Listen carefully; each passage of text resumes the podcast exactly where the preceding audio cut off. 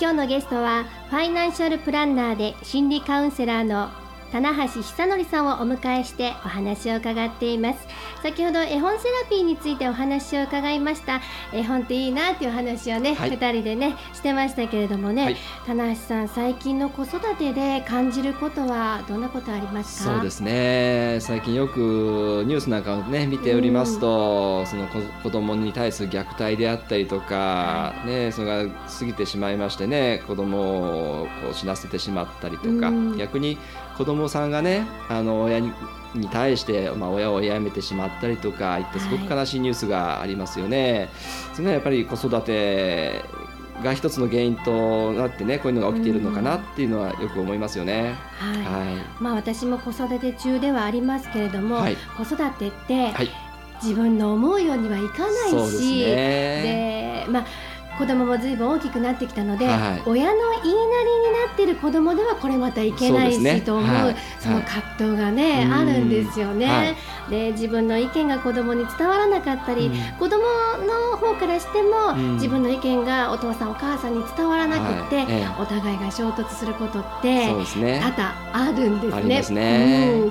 うん、でもその中に虐待と違うところっていうのは、どどんなところでしょうね？そうですね。やはりその、まあ学ね、当然私たちも私も子供の頃はね、はい、親に手を挙げられたこともありますし、私もあります。えー、ね、うん、だけれどもこの愛情っていうのをすごく感じられたんですよね。はい、うんこう暴力があった後にもそのやっぱり愛情っていうのがありました。うん、何かなってよく考えたこう心理学をね勉強した時にもあったんですけれども、はい、そこで教えられたことはやっぱ親として厳しくしなくちゃいけない時もある、はい、でも叱った時は叱った後で必ず子供を抱きしめてあげてくださいって教えられたんですね。はい、うんなるほどな。確かにそう言われると私子供の頃ってそうだったな。うん、思います、ね、思い出したんですね、はい、父親に殴られた、ね、叩かれた後母親に抱きしめられてね、うん、うん、こう愛をいただいてた。だからね、その虐待同じ暴力でも虐待ではなかったのかなっていう気はしますね。はい、うそうですね、愛情のあるしつけであったり、ね、まあ、怒りであったり、ね、親のね、はい、あったと思うんですね、はい、私も女の子でしたけれども、えー、あの内弁慶でうちの中では、はい、もう自己主張の強い子だったので外でもいい子だったんですけど、えー、あの本当に親の意見とあわ、ぶつかることがたくさんありまして、でやっぱり父親にパシンとやられたことがね何度もありましたけれども、でもそのことに対して今思って恨みを持っているとか、ね。はい、あの辛かったとか、えー、そんな思いは一切ないので、ね、逆に感謝してるぐらいですよね。うん、よね。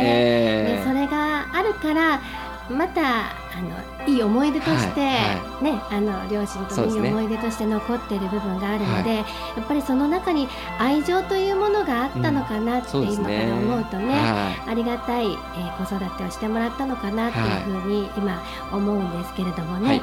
はい、あの先ほど棚橋さんとね打ち合わせの時にお話ししてて、はい、いい言葉を教えていただいたので、ね。はい、ぜひここでリスナーの皆さんに教えてください。はいわ、かりました。そうですね。あの私もですねいろんなこの心理学勉強したりとかいろんなお話を聞かせていただいてこう感じたことであの思ったことなんですけれども、はい、子育ての中で大切なことが3つあるこの気づいたんですね。それまず1つ目。まず幼児期ですね。子供さんが小さいうち、まあ、幼稚園ぐらいまでの間ですね。生まれてから幼稚園ぐらいまでの間の幼児期は肌を離すな、はい、そして幼児期を卒業してこの児童期ですね。小学生ぐらいの間は手を離すな。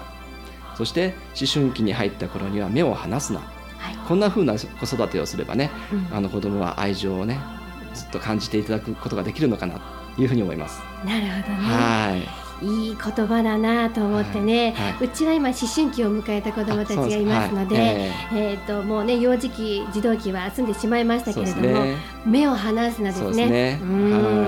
あのね思春期になりますとねこうねまあ、抱きしめることはないと思いますけれどもね。ねね。ね手をつなぐのもね、うん、もうどうかしてますし、かといってあの、まあ、あの思春期の頃ってやはりこう、うん、いろんな好奇心がありますんでねい。ろんなことをやりたがります、で親としてねこう止めるんではなくてやりたいことをやらせながらこう道が外れそうになった時にね、そこで止めてあげる。ことがその目を離すなっていうことだと思うんですよ。うん、ね、よくねあの見てるとこう止めるだけではなくてねそれをこう覆いかぶさるような形でねこうね抑制しちゃうのかな。そうですね、うん、ありますけどそうではなくて止めるだけ、それが親の役目かなと思います、はい、うん。よく問題になるのが過保護っていう言葉がねよく問題になると思うんですけれども、はい過保護ってそんなにまあ問題かどうかというと問題があるんでしょうけれども、うん、さほど問題ではないと思うんですね。はい、で問題になってくるのが過干渉なんですよ。聞きますね。はい。その過干渉にならないように目を離さないようにしていけば、うん、子供は子供なりにまあ育っていくのかなって思います。うん、はい。ね、はい。そこまでの間にね、やっぱり大切なのは幼児期肌を離さないで、ぐっと抱きしめてあげてね、そうすることが一番大切なのかなって思いますね。ですね。はい。はい、わかりました。じゃあ聞いていらっしゃるね、お父さんお母さんたちもこの三つを心の中に忘れないように、うね、はい、はい、えー、これからの子育てをしていってもらいたいなと思います。はい、さあ、えっ、ー、とおすすめの絵本は何かありますか？はい、ね、教えてください。はい今日ね一冊だけお持ちしたんですけれども一番おすすめしたいのが子育ての方にねお母さん方に一番おすすめしたいのが「ちょっとだけ」っていう絵本ですね。どこの出版社ですね。えー、子供の友絵本、えー、はい、福音館出版ですね。書店ですね。はい、これすごく泣けますね。うん、私もね、これ、はい、読み聞かせをたまにさせていただくんですけれどもね、毎回泣いちゃうんですよね。はい、金さん泣くんですね。そうですね。はい、これ読み聞かせにならないぐらいな。どうしましょうね。はい、あの私もその絵本ね、あの読んだことあります。あの子供のね気持ちがね、痛い。くらい。に伝わるんですよね。でそれがえっと現在子育てをしてい。るお父さんお母さんであったり、子育てを経験したそうですね。ご年配の方だったりが読むと心にぐっと響い。てくるものがあるんですよね。はい、福音館書店から出ているちょっとだけという絵本。そしてまだ何かありますそうですね。あと忘れられない贈り物。はい、はい、あともう一つ「今日は何の日?」という本をね、はい、あのお勧めしたいなと思います、はい、忘れられない贈り物はどういった内容でしょう、そうですね。これはアナグマが、まあ、主人公というんですかね。アナグマのお話なんですけれども、うん、アナグマの、まあ、どう生きてきたか。でアナグマがね最後亡くなっちゃうんですけれども、アナグマからあの大切なものをえー、残大切なものを残していったものがねそれによって残されたみんなが楽しく幸せに暮らせるっていうお話ですね。はい、ね、はい、もう一冊は？